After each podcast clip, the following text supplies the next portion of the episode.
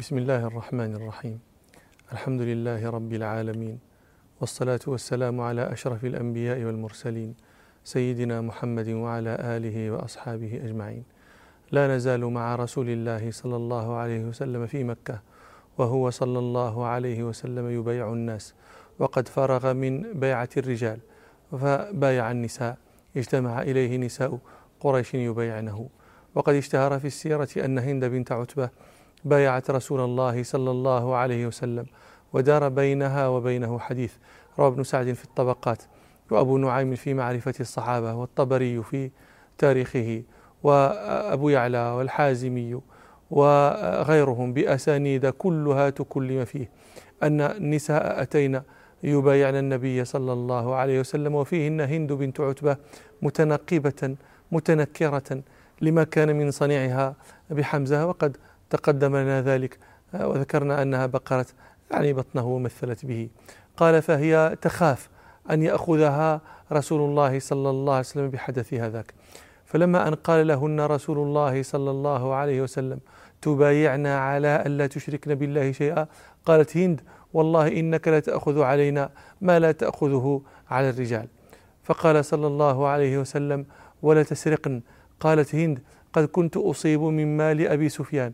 فقال أبو سفيان وكان شاهدا فما أصبت من مالي فيما مضى فهو حلال لك. قال صلى الله عليه وسلم ولا تزنين. قالت هند وهل تزني الحرة؟ قال صلى الله عليه وسلم ولا تقتلن أولادكن. قالت هند قد ربيناهم صغارا حتى قتلتهم أنت وأصحابك ببدر كبارا قال فضحك عمر بن الخطاب. فقال رسول الله صلى الله عليه وسلم وإنك لهند بنت عتبة. قالت نعم فاعف عما سلف. عفى الله عنك. فهذا على شهرته لم يصح سنده. وجاءت أختها تبايع. روى أحمد عن عائشة رضي الله عنها قالت جاءت فاطمة بنت عتبة بن ربيعة وهي أخت هند بنت عتبة. جاءت تبايع النبي صلى الله عليه وسلم فأخذ عليها ألا يشركن بالله شيئا ولا يسرقن ولا يزنين. قالت فوضعت يدها على رأسها حياء يعني حياء لما ذكر الزنا. قالت فأعجب رسول الله صلى الله عليه وسلم ما رأى منها. قالت عائشة أقري أيتها المرأة فوالله ما بايعنا إلا على هذا. قالت فنعم إذن. فبايعها صلى الله عليه وسلم بالآية. ثم إن هند بنت عتبة سألت رسول الله صلى الله عليه وسلم عن أمر تصنعه في النفقة على أولادها. روى البخاري ومسلم في صحيحيهما. عن عائشة رضي الله عنها قالت جاءت هند إلى النبي صلى الله عليه وسلم فقالت يا رسول الله والله ما كان على ظهر الأرض. أهل خباء أحب إلي من أن يذلهم الله. من أهل خبائك. وما على ظهر الأرض. أهل خباء أحب إلي من أن يعزهم الله. من أهل خبائك. فقال لها رسول الله صلى الله عليه وسلم وأيضا والذي نفسي بيده وأيضا أي وأيضا ستزيدين في المحبة. كلما تمكن الإيمان في, قلبك وترجعين عن البغض المذكور حتى لا يبقى له أثر. ثم قالت يا رسول الله إن أبا سفيان رجل ممسك وفي رواية مسيك وفي رواية شحيح فهل علي من حرج أن أنفق على عياله من ماله بغير إذنه؟ يعني تأخذ هي من ماله من غير أن يعلم وتنفق على عياله. فقال صلى الله عليه وسلم لا حرج عليك أن تنفقي عليهم بالمعروف. وأقام رسول الله صلى الله عليه وسلم بمكة تسعة عشر يوما. وجعل صلى الله عليه وسلم يبث سراياه في تلك الأيام لكسر الأوثان التي كانت تعبد من دون الله في القبائل حول مكة. فبعث صلى الله عليه وسلم خالد بن الوليد رضي الله عنه لهدم العزى وكانت من أعظم أصنامهم. وكانت بيتا تعظمه قريش وتعظمه كنانة بل كانت تعظمه مضر كلها. فلما انتهى إليها خالد هدمها ويقال إنه جعل يضربها بسيفه ويقول يا عزى يا عزى كفرانك لا سبحانك إني رأيت الله قد أهانك. ثم بعث رسول الله صلى الله عليه وسلم سعد بن زيد الأشهلي الأنصاري إلى مناه ومناة كان منصوبا على ساحل البحر من ناحية المشلل بقديد بين المدينة ومكة وكان أقدم أوثانهم. قال ابن الكلبي في كتاب الأصنام وكانت العرب جميعا تعظمه وتذبح حوله وكانت الأوس والخزرج يحجون فيقفون مع الناس المواقف كلها ولا يحلقون رؤوسهم. فإذا نفروا أتوا مناة فحلقوا رؤوسهم عنده وأقاموا عنده ولا يرون لحجهم تماما إلا بذلك إلا بأن يحلقوا رؤوسهم عند مناة. وفي الصحيحين الإشارة إلى بعض ذلك فقد روى البخاري ومسلم في صحيحيهما عن عروة بن الزبير أن خالته عائشة رضي الله عنها أخبرته أن الأنصار كانوا قبل أن يسلموا هم وغسان يهلون لمناة هذا فتحرجوا في الإسلام أن يطوفوا بين الصفا والمروة وكان ذلك سنة في آبائهم. من أحرم لمناة لم يطف. بين الصفا والمروة. وإنهم سألوا رسول الله صلى الله عليه وسلم عن ذلك حين أسلموا فأنزل ربنا سبحانه قوله إن الصفا والمروة من شعائر الله فمن حج البيت أو اعتمر فلا جناح عليه أن يطوف بهما. ومناة هذه هي التي ذكرها الله عز وجل بقوله ومناة الثالثة الأخرى. وأنا كنت أقول في آه، طالعة كلامي آه، مناة كان وذكرت قول ابن كلبي آه، إنه كان أعظم أصنامهم. وهذا ربنا سبحانه يقول ومناة الثالثة الأخرى. فتارة يذكر وتارة يؤنث ككل مجازي التأنيث كما هو معلوم في علم النحو. قلنا إن رسول الله صلى الله عليه وسلم بعث سعد بن زيد الأشهلي الأنصاري إلى منى في عشرين فارسا فهدمها. ثم بعث رسول الله صلى الله عليه وسلم عمرو بن العاص رضي الله عنه إلى سواع وهو صنم كان لهذيل فهدمه أيضا. وكان لفتح مكة أثر عظيم في الجزيرة العربية فإنه ترتب عليه دخول كثير من قبائل العرب في دين الله أفواجا لأنهم كانوا يقولون دعوا محمدا صلى الله عليه وسلم وقومه فإن غلبوه كفونا أمره. وإن غلبهم نظرنا في أمرنا حينئذ. وإنما كانت العرب ترى هذه المكانة لقريش لأنها كانت زعيمة العرب. فلما فتح ربنا سبحانه على نبيه مكة استمر بعض العرب على ضلاله فجمعوا لرسول الله صلى الله عليه وسلم وتأهبوا لحربه. وسنذكر بعد ذلك فيما نستقبل إن شاء الله. ودخل أكثرهم في الإسلام. روى البخاري عن عامر بن سلمة الجرمي الجرمي نسبة إلى جرم وجرم قبيلة قضاعية معروفة هم آه، جرم بن عيلاف بن حلوان بن عمران بن الحافي بن قضاعة. كنا قد تحدثنا آه، عنها في الموسم الأول من المبتدأ والخبر. قال رضي الله عنه كنا بماء ممر الناس وكان يمر بنا الركبان فنسألهم ما للناس؟ ما للناس؟ ما هذا الرجل؟ يعني يسألون عن النبي صلى الله عليه وسلم وعن حي العرب معه قال فيقولون هؤلاء الركبان يقولون يزعم أن الله أرسله أوحى إليه بكذا وكذا. قال عمرو بن سلمة فكنت أحفظ ذلك الكلام. في رواية عند أبي داود قال وكنت غلاما حافظا فحفظت من ذلك قرآن كثيرا. قال وكأن ما يقر في صدري. قال وكانت العرب تلوب بإسلامهم الفتح يعني تنتظر بإسلامهم الفتح. فيقول اتركوه وقومه فإنه إن ظهر عليهم فهو نبي صادق. فلما كانت وقعة أهل الفتح بادر كل قوم بإسلامهم. قال عمرو بن سلمة وبادر أبي قوم بإسلامهم سبقهم بإسلامهم. فلما رجع آه، والد عمرو بن سلمة هذا رجع من عند رسول الله صلى الله عليه وسلم قال لهم جئتكم والله من عند النبي صلى الله عليه وسلم حقا. فقال صلوا صلاة كذا في حين كذا وصلوا صلاة كذا في حين كذا.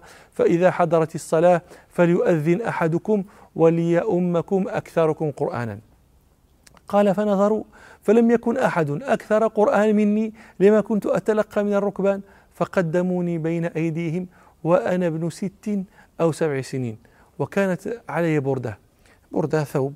قال كنت إذا سجدت تقلصت عني فيعني فكشف تظهر عورته. فقالت امرأة من الحي تصلي وراءه وإمامه الآن وأمامهم وإذا سجد بدت عورته المسكين. قال فقالت امرأة من الحي ألا تغطوا عنا ست قارئكم يعني تغطوا عنا عورة قارئكم.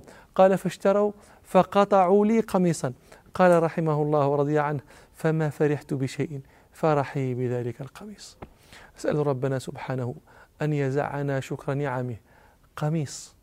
وما قدر قميص وما شأن قميص. يفرح, به فرحا لم يفرح آه، قبله مثله. هذا ينبئنا بما كانوا عليه من الفقر والقلة. نسأل الله سبحانه أن يجمعنا بهم في مستقر رحمته. ثم أهل شهر شوال من السنة نفسها سنة ثمان للهجرة. فبعث رسول الله صلى الله عليه وسلم خالد بن الوليد بعد رجوعه من هدم العزى إلى بني جذيمة بن عامر بن عبد مناة بن كنانة وكانوا بأسفل مكة آه، من ناحية آه، يلملم. وكان هذا أيام الفتح. ورسول الله صلى الله عليه وسلم مقيم بمكة. فأرادوا أن يسلموا ولكنهم أخطأوا في الإبانة عن مرادهم. فقتلهم خالد. روى البخاري ومسلم عن ابن عمر رضي الله عنهما قال بعث النبي صلى الله عليه وسلم خالد بن الوليد إلى بني جذيمة فدعاهم إلى الإسلام. فلم يحسنوا أن يقولوا أسلمنا فجعلوا يقولون صبأنا صبأنا. جريا منهم على ما كانوا اعتادوه في كلامهم لأنهم كانوا يقولون لمن أسلم صبأ. وقد تقدم لنا هذا وأنه لما أسلم ثمامة بن أثال وقدم مكة معتمرا قالوا له صبأت؟ قال بل أسلمت. فلما اشتهرت هذه اللفظة بينهم يعني آه، في موضع أسلمت. يقول أحدهم آه، صبأت لمن يريد أن يقوله أسلمت. استعملها هؤلاء. قالوا صبأنا صبأنا. ولم يفهم خالد عنهم أنهم آه، أسلموا وإنما فهم أنهم آنفوا من أن ينقادوا إلى الدين فقتلهم متأولا. فجعل خالد يقتل منهم ويأسر. ودفع إلى كل رجل يقول ابن عمر ودفع إلى كل رجل منا أسيره حتى إذا كان يوم أمر خالد أن يقتل كل رجل منا أسيره. فقلت والله لا أقتل أسيري ولا يقتل رجل من أصحابي أسيره. حتى قدمنا على رسول الله صلى الله عليه وسلم فذكرنا له ذلك. فرفع النبي صلى الله عليه وسلم يده فقال اللهم إني أبرأ إليك مما صنع خالد. يقول صلى الله عليه وسلم ذلك مرتين. ينكر العجلة على خالد في أمر هؤلاء قبل أن يعلم المراد من من قولهم صبأنا. ذكرنا أن رسول الله صلى الله عليه وسلم أقام بمكة تسعة عشر يوما حتى جاءت هوازن وثقيف إلى حنين يريدون قتال رسول الله صلى الله عليه وسلم. وسبب ذلك أن رسول الله صلى الله عليه وسلم لما فتح مكة وخضعت له قريش خاف أشراف هوازن وثقيف أن يغزوهم رسول الله صلى الله عليه وسلم وقالوا قد فرغ لنا فلا ناهية له دوننا والرأي أن نغزوه. فحشدوا الحشود وعزموا على قتاله وأوعبوا يوم حنين خرجوا بأهليهم وأموالهم. روى البخاري ومسلم في صحيحهما عن أنس بن مالك رضي الله عنه قال لما كان يوم حنين أقبلت هوازن وغطفان وغيرهم بنعمهم وذراريهم. وفي رواية عند أحمد وأبي داود أن هوازن جاءت يوم حنين بالصبيان والنساء والإبل والنعم يكثرون على رسول الله صلى الله عليه وسلم. وروى أبو داود عن سهل بن الحنظلية رضي الله عنه أن أنهم ساروا مع رسول الله صلى الله عليه وسلم يوم حنين فأطنبوا السير حتى كانت عشية فجاء رجل فارس فقال يا رسول الله إني انطلقت بين أيديكم حتى طلعت جبل كذا وكذا فإذا أنا بهوازن على بكرة آبائهم بضعنهم ونعمهم وشائهم اجتمعوا إلى حنين وإنما خرجوا بأهليهم وبأموالهم لئلا يفروا وليدفع كل امرئ عن الذي له. يعني لا يتصور حينئذ أن الرجل الذي يأتي بأولاده ونسائه وأمواله أنه يفر ويتركهم غنيمة للمسلمين. هذه كانت نيتهم. روى ابن إسحاق وقريب من رواية ابن إسحاق ما رواه البيهقي في دلائل النبوة أن مالك بن عوف النصري النصري من بني نصر بن معاوية بن بكر بن هوازن جمع هوازن واجتمع إليه مع هوازن ثقيف كلها واجتمعت آه، نصر وجشم كلها. نصر ذكرتها لكم وجشم هم إخوة نصر هم جشم بن معاوية بن بكر بن هوازن وسعد بن بكر وهم سعد بن بكر بن هوازن وناس من من بني هلال وهم بنو هلال بن عامر بن صعصعة بن معاوية بن بكر بن هوازن وهم قليل. ولم يشهدا من قيس عيلان إلا هؤلاء. هو يقول قيس آه، عيلان لأن هؤلاء جميعا هؤلاء الذين ذكرنا كلهم من هوازن وهوازنهم بنو منصور بن عكرمة بن خصفة بن قيس عيلان بن مضر. فقال لم يشهدها من قيس عيلان إلا هؤلاء وغاب عنها فلم يحضرها من هوازن كعب ولا كلاب. كعب وكلاب أخوان وهما كعب وكلاب ابن ربيعة بن عامر بن صعصعة بن معاوية بن بكر بن هوازن. وفي بني جشم هؤلاء الذين ذكرنا في جملة من حضر. في بني جشم دريد بن الصمة. دريد بن الصمة الجشمي البكري هذا كان أحد الأبطال الشجعان الشعراء. كان سيد بني جشم وفارسهم وقائدهم وغزا نحو من مئة غزوة لم يهزم في واحدة منها قط. وعمر حتى كبر وسقط حاجباه على عينيه تدلى حاجباه على عينيه من الكبر قال جاء دريد بن الصمة مع من جاء لا شيخ كبير ليس فيه شيء إلا التيمن برأيه ومعرفته بالحرب وكان شيخا آه، مجربا. فلما أجمع مالك بن عوف النصري السير إلى رسول الله صلى الله عليه وسلم حط مع الناس أموالهم ونساءهم وأبنائهم. فلما نزل بأوطاس اجتمع إليه الناس وفيهم دريد الصمة في شجار له يقاد به شجار هذا كالهودج. آه، فلما نزل قال آه، دريد الصمة بأي واد أنتم؟ قالوا بأوطاس. قال نعم مجال الخيل.